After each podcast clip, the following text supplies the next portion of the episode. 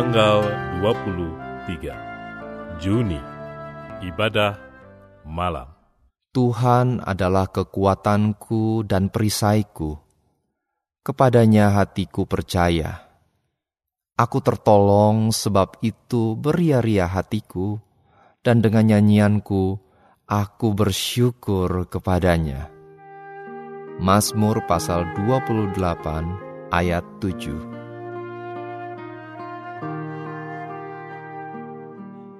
Mari meneduhkan, menenangkan, dan memusatkan hati kepada Tuhan.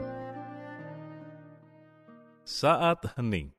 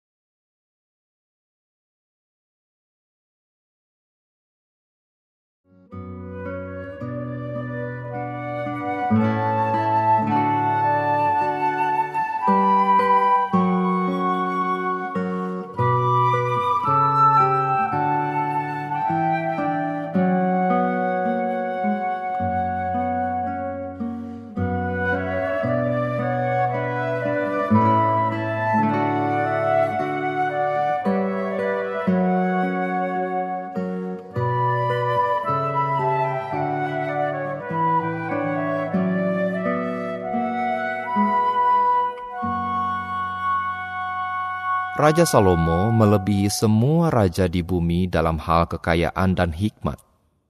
Semua raja di bumi berikhtiar menghadap Salomo untuk menyaksikan hikmat yang telah ditaruh Allah di dalam hatinya. Mereka datang masing-masing membawa persembahannya, yakni barang-barang perak dan barang-barang emas, pakaian, senjata, rempah-rempah, kuda dan bagal, dan begitulah tahun demi tahun. Dua Tawarik pasal 9 ayat 22 sampai 24.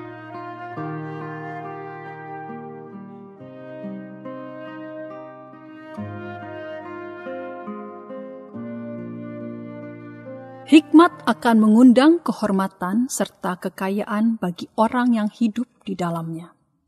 Orang yang mengejar kehormatan dan kekayaan belum tentu akan memperolehnya. Bahkan tidak jarang sesudah menghabiskan waktu, tenaga, dan pikiran untuk meraih semuanya itu, justru yang ia peroleh adalah pepesan kosong belaka. Tetapi bila orang hidup di dalam hikmat, maka justru kehormatan dan kekayaan itulah yang akan datang mengejar dirinya. Dengan kata lain, apabila orang mengejar hikmat, maka pada gilirannya hikmat itulah yang akan mengundang kehormatan dan kekayaan agar datang kepada diri yang bersangkutan. Kehormatan dan kekayaan oleh karena hidup di dalam hikmat itulah yang dialami oleh Raja Salomo. Di dalam dua Tawarikh pasal 9 ditulis bahwa Allah memberi hikmat kepada dirinya. Sebagai akibat, semua raja di bumi berikhtiar menghadap Salomo untuk menyaksikan hikmat yang telah ditaruh Allah di dalam hatinya. Mereka tidak datang dengan tangan kosong, namun dengan membawa berbagai macam persembahan bagi Salomo. Artinya, karena Salomo tidak meminta yang lain kecuali hikmat kepada Tuhan, seperti yang dicatat di dalam dua Tawarikh pasal 1, maka sebagai akibat hikmat tersebut mengundang kehormatan serta kekayaan bagi dirinya.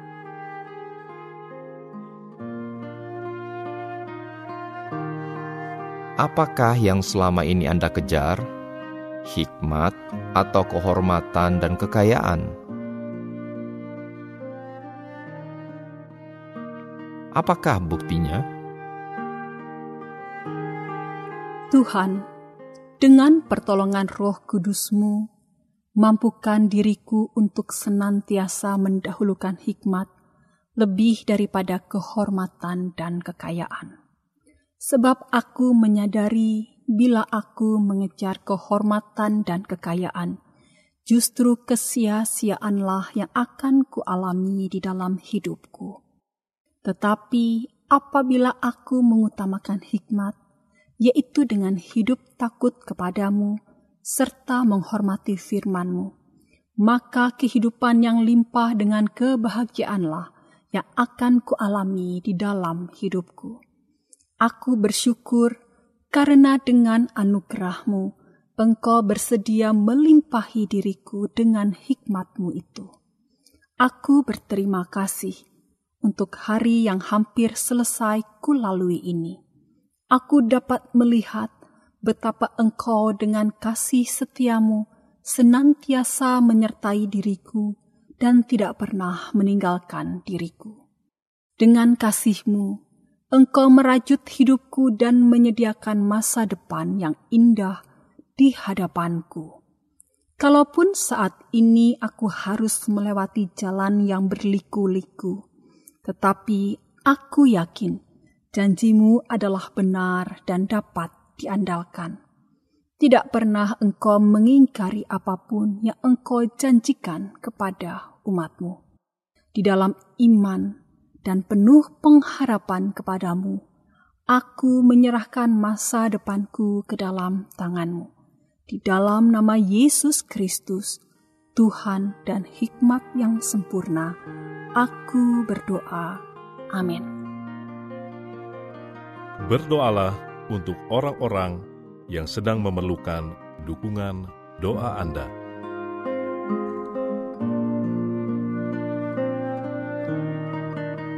Mari meneduhkan hati di hadapan Tuhan.